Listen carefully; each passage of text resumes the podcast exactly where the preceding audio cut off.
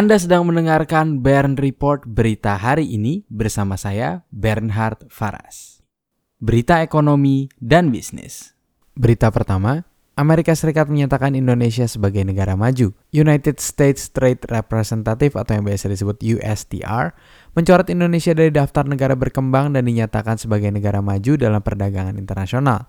Kamar Dagangan dan Industri Internasional Indonesia mengatakan kebijakan tersebut dapat mengancam posisi Indonesia atas fasilitas Generalized System of Preference atau keringanan bea masuk impor barang ke Amerika Serikat. Dalam artian, kebijakan itu akan mempengaruhi performa ekspor Indonesia ke Amerika Serikat.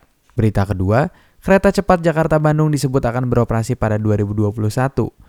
Menteri Perhubungan Budi Karya Sumadi optimis proyek pembangunan kereta api cepat Jakarta-Bandung dapat diselesaikan pada akhir tahun 2021. Saat ini, Budi mengatakan proses pengerjaan proyek kereta cepat Jakarta-Bandung sudah mencapai 44 persen. Sedangkan pembebasan lahan proyek ini sudah mencapai 95,96 persen. Berita ketiga, Kereta cepat Jakarta-Bandung lanjut ke Surabaya via selatan. Menteri Perhubungan Budi Karya Sumadi memastikan dalam jangka panjang jalur kereta cepat Jakarta-Bandung akan diteruskan sampai Surabaya lewat jalur selatan. Budi mengatakan nantinya ketersambungan itu akan mengakomodasi kebutuhan transportasi penduduk di Jawa bagian selatan. Budi mengatakan pemerintah ingin mengakomodasi alternatif transportasi darat bagi masyarakat di Jawa bagian selatan seperti Garut, Tasikmalaya, Purwokerto, Yogyakarta, hingga Solo. Berita keempat, pembebasan lahan bendungan Rukoh Aceh baru 71 hektar.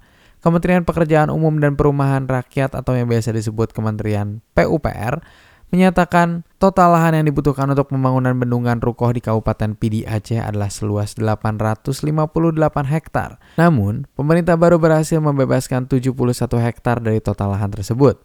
Kementerian PUPR menerangkan lahan seluas 345 hektar merupakan kawasan hutan. Sementara sisanya sekitar 400 hektar adalah kawasan non-hutan. Sejauh ini, pemerintah menyebut tak ada kendala signifikan dalam membebaskan lahan untuk pembangunan bendungan Ruko. Berita kelima, Kementerian PUPR bakal bangun dua ruas jalan nasional di Aceh. Kementerian Pekerjaan Umum dan Perumahan Rakyat atau yang biasa disebut Kementerian PUPR bakal membangun dua ruas jalan nasional di Aceh tahun ini.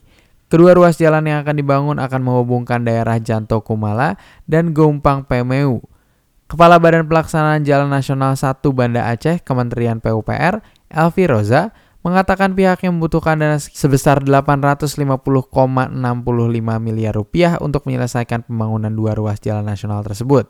Targetnya, proses pembangunan selesai pada 2024 mendatang. Berita ke-6, wabah virus corona sebabkan okupansi hotel di Bali turun sebesar 80%.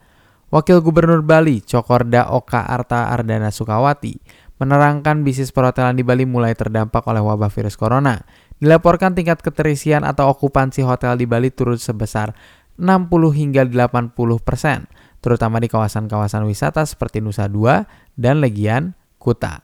Menurut Cokorda, turunnya okupansi hotel karena wisatawan Cina merupakan penyumbang sektor pariwisata Bali yang tertinggi. Untuk teks dan sumber berita selengkapnya dapat Anda lihat di website www.bernhardfaras.com. Terima kasih sudah mendengarkan Bern Report berita hari ini. Jangan lupa untuk membagikan kanal ini kepada kerabat Anda, tekan tombol like dan subscribe untuk mendapatkan kabar terkini setiap pagi dari hari Senin hingga hari Jumat pada pukul 6.30 waktu Indonesia Barat. Saya Bernhard Faras pamit undur diri, semangat selalu dalam menjalani hari ini.